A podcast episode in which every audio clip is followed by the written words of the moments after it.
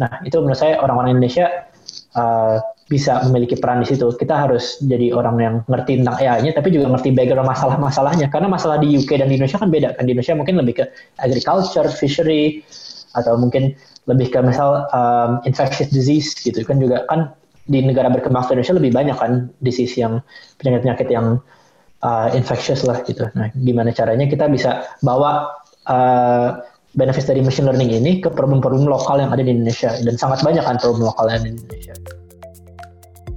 Selamat datang kembali di ceritanya Developer Podcast bersama saya Riza. Dan di podcast ini, kita akan mendengarkan cerita dari developer, programmer, software engineer keren tentang masa lalu, masa kini, dan masa depan mereka. Tentang bagaimana mereka memulai karir sebagai developer. Dan kita juga akan mengorek-ngorek cerita tentang komputer pertama mereka, pengalaman ngoding pertama, pekerjaan pertama, hingga hal-hal random lainnya. Podcast ini diedit dan diproduksi oleh Deep Tech Foundation, sebuah lembaga non-profit yang mempunyai misi yaitu menyetarakan talenta digital di seluruh Indonesia. Dan sekarang saya sudah bersama Mas Adi Guna Kuncoro, ya, yang jauh di London ya sekarang seorang senior research scientist di Google DeepMind, salah satu uh, unit bisnisnya Google yang uh, berkaitan dengan artificial intelligence. Uh, sebelumnya Mas Adi Guna ini atau yang biasa dipanggil Mas Adi ini kuliah di ITB, kemudian terbang ke Oxford uh, untuk master dan lalu juga mengambil master juga ya di yeah. Carnegie Mellon University dan sekarang sedang uh, studi juga untuk uh, di field ini apa ya? Doktor. Doktor Dokter of Philosophy di Oxford juga. Waduh, luar biasa. Uh, langsung aja kita uh, sambut Mas Adi Guna Kuncoro. Halo Mas, apa kabar? Halo, baik-baik. Terima kasih Mas Riza untuk perkenalannya. Gimana keadaan apa pandemi di London? Ya, uh, di London sempat parah sih Maret April kemarin. Sekarang udah mendingan, tapi katanya jumlah kasusnya lagi naik lagi nih. Emang di sini bedanya sama di Indonesia Yeah. Ya. Uh, kan saya sempat pulang ke Indonesia juga uh, beberapa bulan lalu. Bedanya di sini orang di luar tuh hampir nggak pernah pakai masker sih. Kalau di Indonesia kan orang mau mau di luar mau indoor mereka pakai masker kan. Kalau di sini oh. kalau indoor mereka pakai, kalau di luar mereka cenderung nggak pakai gitu. Oh gitu ya. Jadinya Justru apa malah ya. lebih disiplin kita orang Indonesia gitu ya daripada mereka ya. Iya, menurut saya sih gitu. hmm, oke okay, menarik juga ya. oke, okay, saya baru tahu nih. Oke, okay. sekarang kita uh, akan uh, cerita-cerita tentang pengalamannya Mas uh, Adi dari mulai pertama kali kenal komputer sampai saat ini. Jadi boleh diceritakan Mas, uh, kapan tuh kenal komputer pertama kali? Ya, kenal komputer pertama kali tahun sekitar akhir SD, awal SMP itu mungkin hmm. tahun sekitar 2004, 2003, 2004 lah ya kira-kira. Itu inget banget sih modemnya masih modem yang dial up aja, jadi lambat banget gitu. Ya. ya, awalnya sih karena ibu ibu saya tahu kalau komputer ini kayaknya uh, akan jadi sesuatu yang besar gitu di masa depan. Jadi dia beliin, terus saya mulai main-main. Awalnya uh, sih ya mulai ya biasa lah Microsoft Word, Excel, terus lama-lama main game online gitu-gitu. Hmm. Jadi ya mulai sekitar SD lah gitu. SD, komputer. Uh, dibeliin komputer, koneksi ke internet, main game gitu ya. Ya. Nah terus uh, untuk belajar programmingnya sendiri kapan mas? Uh, pas itu awal-awal Visual Basic sih pertama hmm. kali karena kan gampang tuh bisa ya drag and drop lah dikit-dikit. Nah itu uh, sama sih awal SMP lah kira-kira awal SMP mulai ya, program di awal-awal iya uh, bahasa pertamanya adalah Visual Basic itu Visual tahun Basic, 2000 berapa tadi 2006 2007 kali ya? Mm, iya sekitar 2005 2006 lah. 2005 2006. Terus ketertarikan ke komputernya uh, selain game terus juga tadi sempat Visual Basic emang ada ketertarikan ke programming atau gimana? Um, awal-awal sih ngelihatnya wah keren aja nih bisa saya bisa nyuruh komputer ngelakuin apa lewat programming gitu. Tapi sebenarnya pas itu kan pas SMP. Nah terus SMA sebenarnya saya nggak nggak banyak ngulik-ngulik. Jadi SMA nggak nggak programming sih. Jadi terakhir ah. itu pas SMP itu. Tapi tetap suka komputer masih ya main game hmm. gitu. Nah baru mulai programming lagi pas uh, di ITB sih. Ya satu karena emang kelihatannya ya saya emang kan suka tapi emang belum sempat masih banyak ngulik-ngulik aja. Jadi kayaknya uh, pas S1 teknik informatika itu baru benar-benar oke okay, diseriusin lah ibaratnya. Jadi termasuk telat mungkin ya dibanding teman-teman lainnya. Nah, uh, tadi kan SMP cukup tertarik, kemudian SMA nggak bisa dibilang vakum lah sedikit ya, vakum yeah. programming dalam hal programming. Terus kenapa memutuskan untuk uh, ngambil jurusan computer science? Um, sebenarnya waktu SMA itu saya baca buku tentang terkait machine learning sih waktu itu. Nah, jadi machine learning artificial intelligence gitu. Dari dulu kan kita sering nonton ya, misal kayak oh Terminator, Skynet gitu-gitu, tapi kan kelihatannya serem-serem. Nah, terus saya baca buku tentang waktu itu gimana orang pakai machine learning untuk prediksi harga saham di US. Nah, terus kayaknya wah keren banget. Ternyata mesin tuh bisa lebih akurat, lebih akurat bahkan mungkin dibanding trader yang manusia gitu. Nah, itu kan salah satu aplikasinya aja kan saya cari-cari lagi aplikasi lain. Oh, ternyata buat misal buat healthcare ada juga. Terus misal buat misal apa namanya uh, pattern recognition kayak misal healthcare healthcare terus habis itu um, juga misal deteksi fraud di bank gitu, gitu ternyata banyak banget aplikasinya artificial intelligence ini. Nah terus lihat-lihat bidangnya apa ini sub bidang apa? Oh ternyata artificial intelligence ini bagian dari computer science. Nah itu terus saya oke okay, kayaknya emang masa depan uh, dari dulu saya emang udah percaya sih kalau emang AI itu adalah di masa depan kita AI akan makin lebih banyak lagi gitu uh, aplikasinya. Nah, makanya oke okay, harus computer science nih gitu. Oh, oke. Okay. Jadi dari SMA berarti sudah cita-citanya untuk uh, apa berkiprah di dunia AI dan machine learning eh, kali ya. Betul. Betul, Luar biasa ya. jadi. Iya. Karena sebenarnya belum tahu apa-apa tentang detailnya sih, cuma tahu aplikasinya kayaknya keren aja gitu. Hmm. Belum tahu data matematikanya gimana belum sama sekali. Oke. Okay. Uh, waktu itu juga diterima di jurusan kedokteran, tapi akhirnya ya orang tua kan pengennya anak jadi dokter gitu. Yeah. Tapi akhirnya saya jelasin, oh ini ini keren loh computer science gitu gitu lama-lama akhirnya ya udah akhirnya berhasil lah. Oke, okay, berhasil meyakinkan gitu ya. ya. Hmm.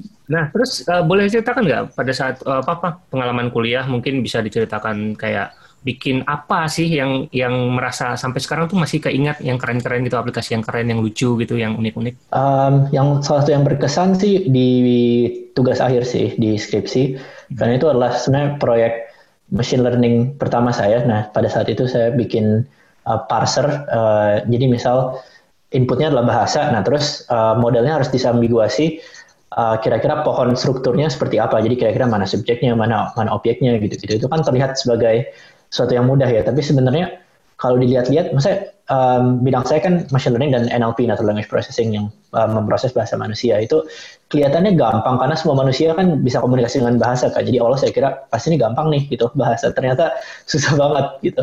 Nah, contohnya misal yang yang parsing itu, misal saya melihat orang itu uh, bahasa Inggrisnya kalau di bahasa Indonesia kayaknya jadi nggak ambigu tapi bahasa Inggrisnya I saw the woman with the telescope. Nah itu sebenarnya kelihatannya kan nggak ambigu ya, tapi kalau kita pikir kita bisa melihat womannya menggunakan teleskop, jadi pakai teleskop nih. Atau mungkin ceweknya ya lagi bawa ya, orang dia lagi bawa teleskop gitu. Itu kan sebenarnya ambigu kan kita nggak tahu interpretasi yang betul itu yang mana. Lumayan sih setahun ngerjain tugas akhir itu. Akhirnya hasilnya ya nggak bagus-bagus banget, tapi ya lumayan lah. Maksudnya proyek pertama kan di machine learning, tapi tahu kalau oh ternyata machine learning itu susah ya dan karena susah justru malah menarik gitu. Ternyata masih banyak yang bisa dilakuin nih di bidang ini. Itu tahun berapa? Uh, 2012 sampai 2013. 2012 sampai 2013 sudah melek AI ya. Kalau kita di sini ya, mungkin mulai. belum terlalu ya. Di, di kampus uh, banyak yang tertarik dengan AI juga pada saat itu atau gimana? Udah lumayan banyak sih, tapi Udah aplikasinya beda-beda. Tapi emang dibanding sekarang itu kan sebenarnya 2013 cuma tujuh tahun lalu ya. Tapi dibanding sekarang kayaknya bidang AI udah mulai melejit jauh banget sih di dalam tujuh tahun itu ada saya ingat teman-teman saya ada beberapa yang tugas akhirnya misalnya kalau database kan misalnya kita harus menguasai bahasa SQL kan buat uh, query database-nya. Nah, ini gimana cara kita bisa query dengan bahasa manusia. Nah, terus uh, otomatis retrieve gitu. Jadi siapa pun biarpun bukan expert uh, SQL atau database bisa komunikasi sama database gitu.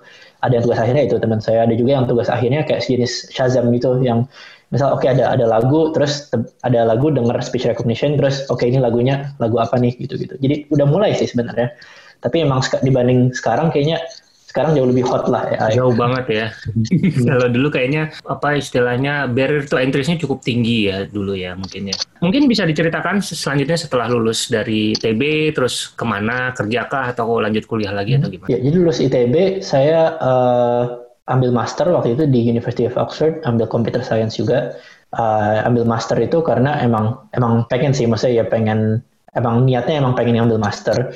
Um, dan Oxford kan universitas yang yang bagus banget lah. Jadi ya diterima, oke okay, harus ya ambil lah gitu. Dan orang tua juga ngedukung, jadi ya ambil itu ke Oxford. Awalnya sih uh, rencananya habis selesai master itu uh, saya nggak uh, lanjut ke PhD karena pengennya ya mungkin oke okay, habis selesai master cukuplah pendidikan uh, mungkin balik atau balik ke Indonesia kerja ya, bidang IT ataupun non IT saya waktu itu uh, kepikir dua-duanya Um, tapi pas waktu saya di Oxford itu, itu, tahun 2013 sampai 2014 kan. Nah itu awal-awal deep learning tuh lagi mulai banget. Nah Uh, jadi kayaknya wah ini apa nih deep learning kayaknya suatu yang sangat baru nih di AI gitu dan kelihatannya revolusioner banget. Sejak itu saya lihat wah gila deep learning keren banget dia bisa uh, buat image recognition, bisa buat NLP gitu-gitu. Nah, terus saya lihat uh, performanya performance modelnya bagus banget dan kayaknya menarik banget nih akhirnya saya mikir oke okay, kayaknya saya harus ngedalamin lagi deh bidang AI ini. Akhirnya dari situlah uh, cita-cita lanjut emang PhD sih. Biarpun tadinya enggak, tapi kebetulan aja pas di Oxford uh, pas lagi deep learning boom banget waktu 2013 2014 itu. Oke, okay, dan pekerjaannya sekarang pun ber berkaitan dengan deep learning ini ya. Nanti akan bahas tentang pekerjaan saat ini, tapi uh, setelah uh, ambil apa master di Oxford, terus uh, lanjut bekerja kah atau masih lanjut kuliah lagi? Setelah itu kan emang niatnya pengen uh, PhD kan, tapi hmm. saya baru sadar pengen lakuin PhD itu di akhir-akhir master itu. Jadi ya nggak, sedangkan apply kan harus jauh-jauh hari kan, jadi ada gap year setahun. Nah di situ saya udah mutusin sih untuk jadi ya emang kayaknya emang pengen jadi researcher nih di masa depan researcher machine learning atau researcher AI. Nah terus saya habis lulus dari Oxford, saya internship research internship di Jepang lima bulan uh, sambil apply apply juga. Nah terus setelah selesai research internship itu saya diterima di research master lagi di Carnegie Mellon. Emang master lagi sih, tapi Carnegie Mellon waktu itu uh, mereka masih beasiswa jadi udah fully funded, dikasih stipend juga. Itu masternya research master. Jadi ya kalau emang tertarik riset ya emang pas lah itu programnya. Jadi saya uh, selesai internship dari Jepang itu saya ke Amerika ke Carnegie Mellon dua tahun, habis itu uh, baru yang sekarang ini PhD di Oxford sambil kerja di DeepMind. Sampai saat ini ada nggak sih momen atau kontribusi yang membanggakan sebagai seorang apa uh, researcher di bidang hmm. AI? Banyak sih kalau untuk momen yang membanggakan emang menurut saya riset itu uh, kadang-kadang suka apa ya bikin frustrasi gitu karena kan namanya riset ya kita mencoba ide baru ya mayoritas besar akan gagal karena ya kalau emang berhasil mungkin orang lain udah udah ada yang kejar ide itu duluan gitu. Emang emang sulit kan. Jadi ke, mungkin 80% ide kita banyak kan gagal lah. Coba ide ini implementasi lama-lama langsung sebulan terus coba apply modelnya ternyata performanya, performanya lebih jelek kan ya. Tapi emang itu bikin frustrasi. Jadi tapi emang kalau pas kalinya berhasil itu sangat menyenangkan gitu rasanya. Wah gila ini ternyata berhasil gitu sangat menyenangkan. Yang paling membanggakan mungkin uh, kalau riset uh, sempat dapat Best Paper Award sih waktu itu di conference uh, utama NLP itu uh, ya seneng banget sih rasanya kan best paper ada dari ya ribuan paper submissions dipilih itu kan seneng banget kan. Nah terus itu satu, yang kedua itu juga kalau misal model kita develop di research nih kita bikin prototipenya, nah ternyata pas dipakai di production systems, misal di Google gitu, wah ternyata hasilnya juga bagus, ada peningkatan gitu. Nah itu rasanya juga membanggakan karena ternyata oh dari ide kita ternyata ada real world application-nya loh ini bukan cuma sekedar um, maksudnya suatu suatu yang hanya akademis saja tapi ternyata juga bisa ada aplikasi di sistem-sistem uh, production gitu itu uh, membanggakan sih kalau berhasil. Yang kalau sebaliknya yang memalukan ada nggak sih? Mungkin sebenarnya saya waktu uh, pas kuliah di ITB itu saya sebenarnya nggak terlalu banyak latihan ngodingnya sih, nggak terlalu banyak latihan ngodingnya pas lulus dari ITB itu, um, pas di Oxford gitu-gitu, dalam ukuran skill coding mungkin jauh di bawah teman-teman yang lain gitu. Jadi mungkin kalau nanya minta bantuan gitu-gitu kadang pertanyaannya agak obvious gitu loh. Jadi kadang mereka agak aneh juga kayak nanya pertanyaannya kayaknya pertanyaan gampang ini masa nggak tahu sih gitu. Tapi ya lama-lama latihan terus coding ya pengalaman aja sih itu pengalaman implementasi model terus menerus pakai Python atau pakai library machine learning misal uh, TensorFlow atau PyTorch lama-lama kebiasa juga sih. Jadi ya awal-awalnya emang sempet karena saya nggak uh, gitu sering ngoding di ITB agak sempat agak kagok juga sih. Mungkin di awal-awal karir atau pada saat kuliah gitu ya di ITB terutama punya ini nggak sih sosok yang eh, menjadi mentor dari Mas Adi? Untuk di ITB sih uh, banyak dosen-dosen yang udah berkecimpung di bidang machine learning sih. Nah itu hmm. saya uh, misalnya kagum lah mereka jauh lebih uh, tahu tentang machine learning dibanding dibanding saya hmm. di ITB. Terus tapi untuk di bidang riset sendiri kebetulan memang yang dari ITB itu jarang sih, maksudnya jarang, maksudnya teman-teman seangkatan saya yang jadi researcher itu termasuk cukup jarang sih. Nah jadi mungkin kalau role model dari sisi bidang riset uh, baru dapat pas di Oxford dan di CMU. Nah itu di CMU ada uh, master advisor saya namanya Chris Dyer, dia researcher juga di bidang NLP. Nah dia emang saya kagumnya karena dia jago banget. Dia bukan cuma jago machine learning kan gabungan matematika dan coding ya. Jadi dia ngerti matematikanya mendalam, tapi dia ngerti juga gimana cara coding model yang efisien implementasinya tuh gimana gitu. Jadi dia tahu dua-duanya, bukan cuma konsep tapi codingnya juga. Nah itu saya pengen sih jadi kayak gitu. Tapi masih jauh kayaknya perjalanan sampai bisa jadi sejago itu. Nah, tadi kan sempat cerita uh, apa pengalaman mulai dari uh, kuliah dari kecil kuliah di Indonesia, terus pindah ke London ya. Terus habis yeah. itu sempat di Jepang, terus ke Amerika. Itu empat negara itu Indonesia, Jepang, London, Amerika. Favorit yang yang mana nih?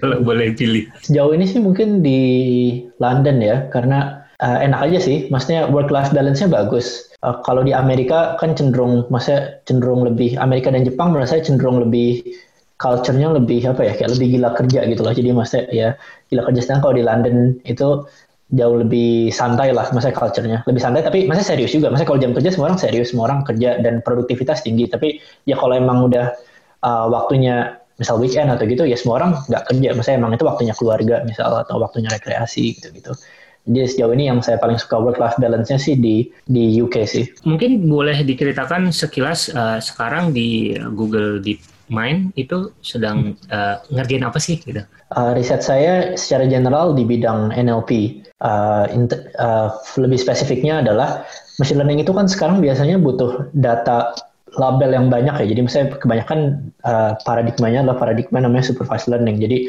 misal manusia Uh, misal kita mau bikin apa ya contohnya, misal mau bikin question answering system gitu. Jadi uh, ada orang nanya, komputer jawab gitu.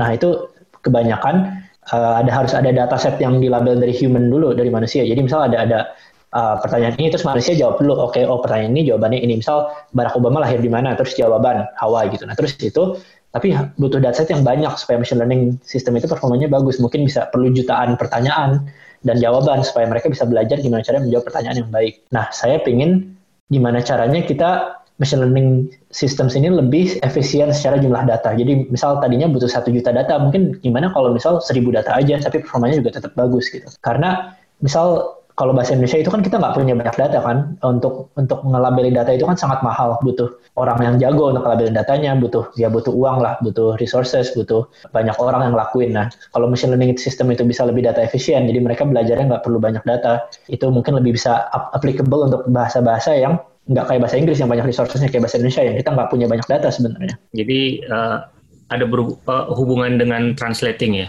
itu ada hubungannya sama kayak Google Translate atau YouTube uh, apa automatic uh, transcriber nggak? Uh, translation salah satu metodenya, tapi yang saya lebih fokus lebih ke unsupervised learning sih. Jadi misal gimana caranya mesin ini nggak perlu data yang dilabeli manusia. Misal gimana kalau kita kasih mesin ini data Wikipedia aja, Wikipedia kan tinggal kita script, terus kita beri proses, selesai kan nggak perlu dilabelin apa-apa gitu. Gimana caranya mereka bisa belajar sebanyak-banyaknya dari data Wikipedia itu yang nggak perlu intervensi manusia tapi mereka bisa tahu banyak tentang NLP dari dari data yang nggak perlu label manusia itu. Jadi unsupervised learning sih. Nah, uh, kalau untuk soal apa ya teknologi atau bahasa pemrograman yang sekarang sehari-hari digunakan, apa sih kalau boleh tahu? Ya, uh, kebanyakan karena DeepMind itu kan bagian dari Google juga kan. Uh, jadi kebanyakan sih pakainya TensorFlow. Jadi kalau library-library dari Google bisa lihat misal model-model seperti model BERT atau model lain itu biasanya implementasi adalah TensorFlow. Uh, dan biasanya dalam Python sih. Python terus ada untuk bagian deep learningnya ada library TensorFlow sendiri. Library populer lain untuk uh, machine learning biasanya ada PyTorch juga itu dari Facebook. Um, dan ada ya library-library lain juga ada beberapa sih misal Theano gitu-gitu, Keras Ya. Oke, mungkin bisa di-share uh, apa perbedaan signifikan antara uh, TensorFlow dengan PyTorch? Untuk perbedaan signifikannya sih, kalau TensorFlow versi 1 itu dia lebih menggunakan static computation graph. Iya, jadi harus kita define computation graph-nya itu seperti apa. Nah, nanti baru di compile grafnya nanti model uh, TensorFlow-nya optimisasi nah nanti baru kita run komputasinya. Nah itu itu memang lebih efisien tapi uh, bedanya dengan PyTorch itu kalau PyTorch itu mereka dynamic jadi mereka nggak harus di compile computation graph-nya dulu di awal.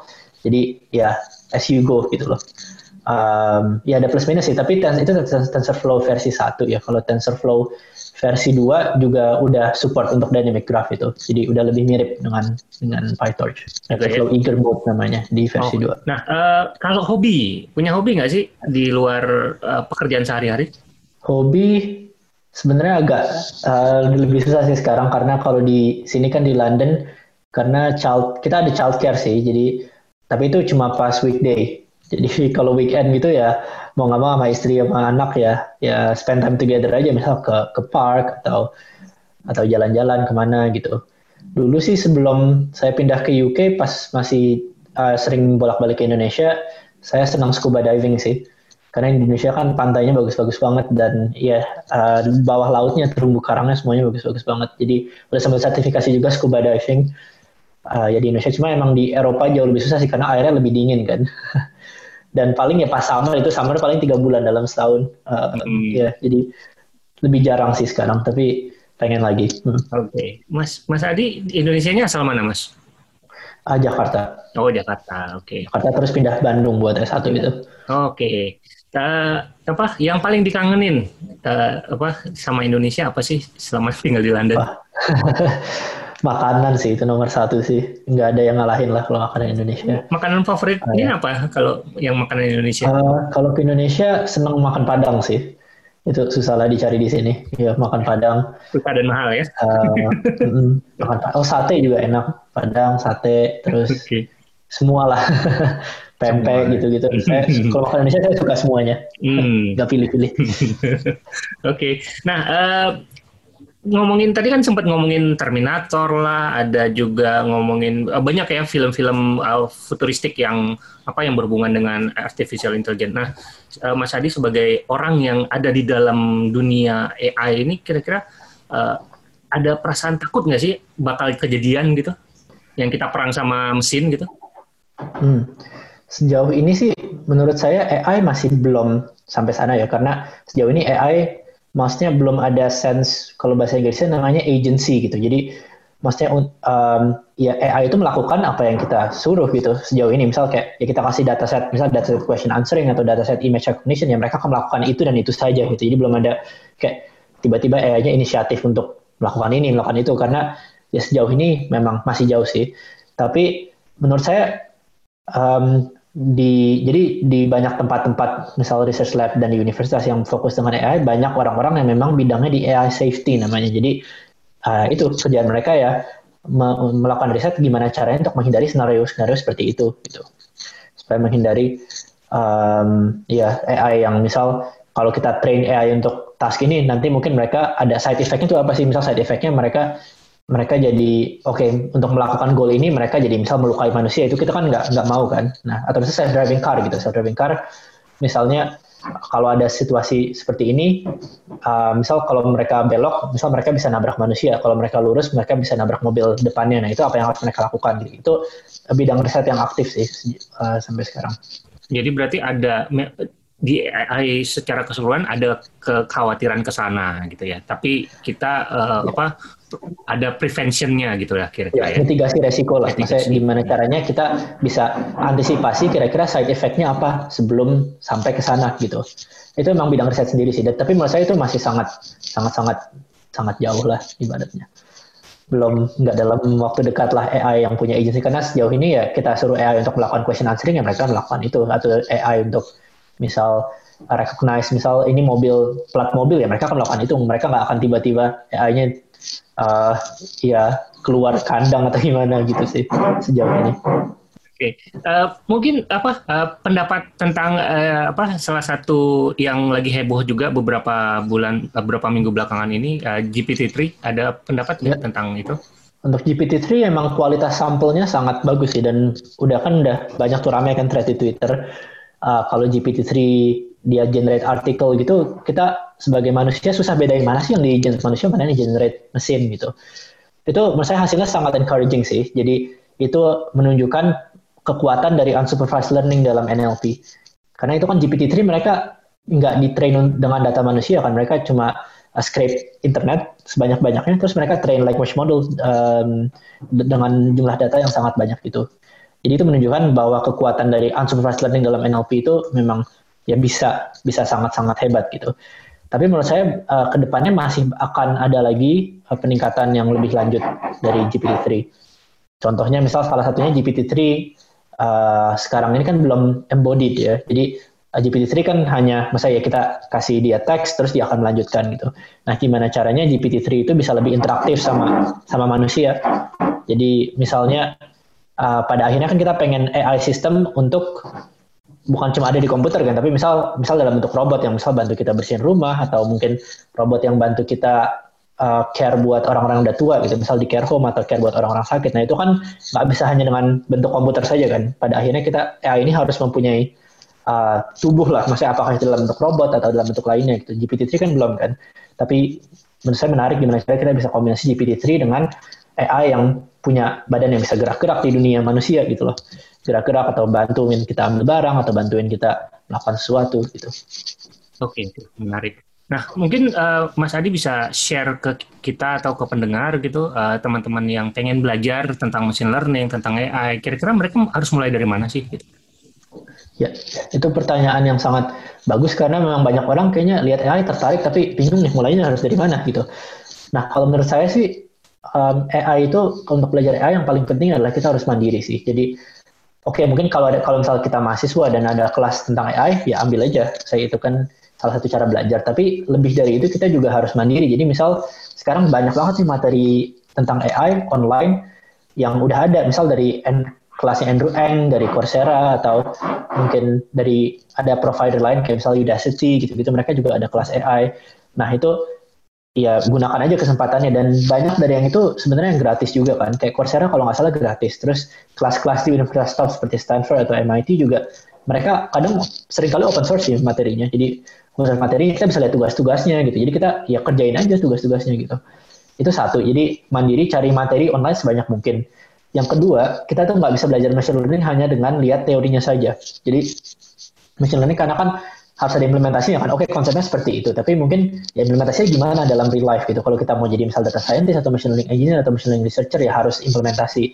Nah, itu saran saya uh, cari kesempatan sebanyak-banyaknya misal dari Kaggle, Kaggle kan salah satu kan. Oke, okay, ada dikasih data set, oke okay, tinggal bikin modelnya aja gitu ya kayak gue cobain oke okay, coba misal random forest oke okay, oh ternyata random forest bagusnya di situasi seperti ini nggak bagus dalam situasi seperti ini gitu gitu uh, itu pertama kedua kalau mau lebih masuk ke dalam riset uh, saran saya adalah untuk uh, open open source atau reimplementasi model-model yang terkenal misal oh lihat misal oh Google punya model BERT atau OpenAI punya model GPT-3 coba kita implementasi sendiri gitu gimana cara implementasi model transformernya gitu um, gimana cara scrape dataset dari internet. Nah, uh, kita coba sendiri. Jadi kita coba reimplementasi. Nah, kalau udah selesai, sebisa mungkin di open source datasetnya. Jadi seenggaknya kan orang tahu kan ini adalah kreasi kita loh. Kita berkreasi dengan reimplementasi model-model open source yang ber GPT-3 atau model-model seperti itu. Gitu. Nah nanti kan kita jadi lebih dikenal gitu kan. Oh ini, oh si ini ternyata bisa loh.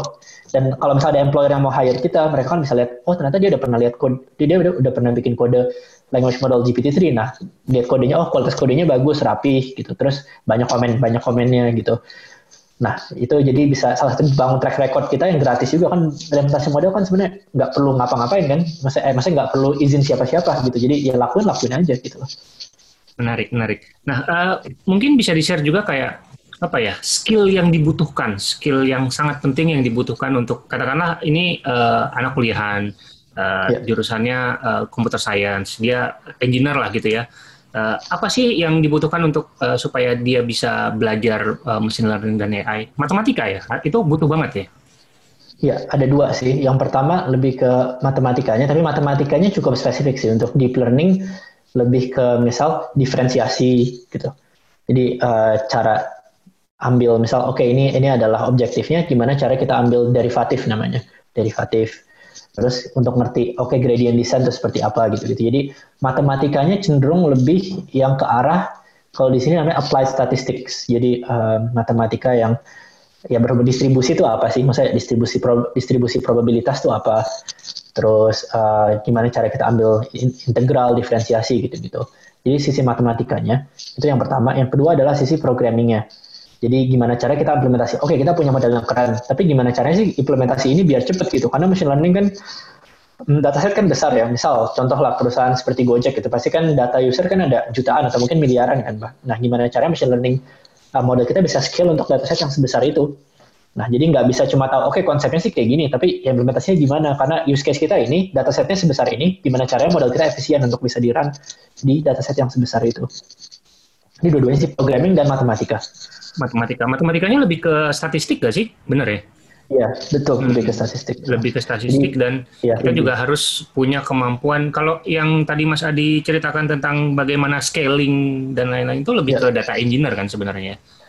Uh, ya data engineer. Tapi sebenarnya data scientist juga harus tahu sih karena misal kita punya model transformer nih, misal transformer yang itu transformer itu adalah model yang dipakai untuk GPT-3.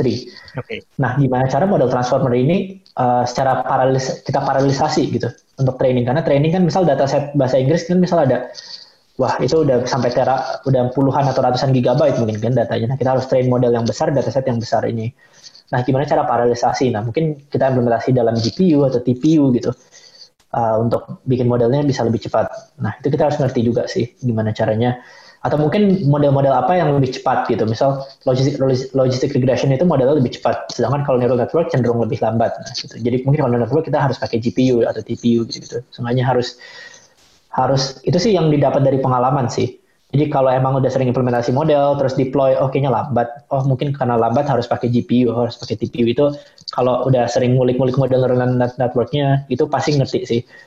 Jadi pengalaman aja, yang penting coba aja dulu gitu. Nggak usah takut hmm. untuk mencoba. Siap, siap. Jadi ya nggak harus jadi data engineer, tapi setidaknya mengerti lah, tahu cara mengerti, uh, ya. apa uh, menggunakan dan uh, itu ya apa mengimplementasi data dalam jumlah yang banyak gitu ya. Ya betul implementasi model ya dan kita deploy untuk data yang real world kan pasti banyak ya, kan datanya. Betul. Ya, big data. Ya. Nah Mas Adi suka baca buku nggak sih? Lumayan. Ya. Lumayan. Dulu buku terakhir yang dibaca apa? Uh, Bad Blood yang Elizabeth Holmes itu tentang Theranos. Tentang Theranos, oke. Okay. Ya. uh, buku terakhir yang dibaca yang mengubah mindset ada nggak sih?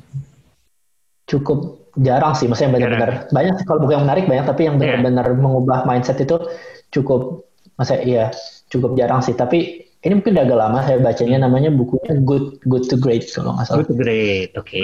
Ya itu saya uh, senang banget sih sama buku itu karena uh, salah satu yang menurut saya ada quote yang paling bagus itu saya lupa buku itu kayaknya good to great deh ya. Uh, adalah maksudnya opposite of great itu bukan bad opposite great itu good gitu.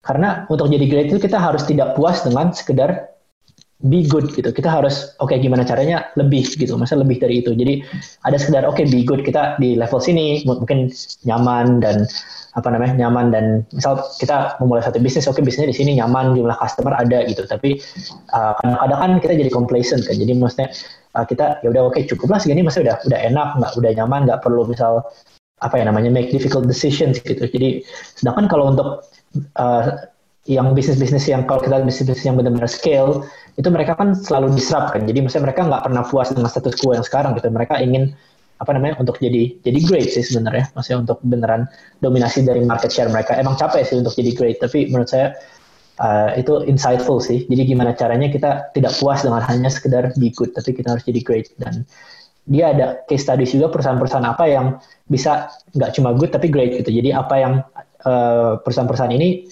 uh, apa aja sih yang mereka sama-sama punya karakteristiknya jadi karakteristik seperti apa yang bisa bikin perusahaan atau orang menjadi great gitu dan tidak sekedar good. Oke, menarik pilihan bukunya.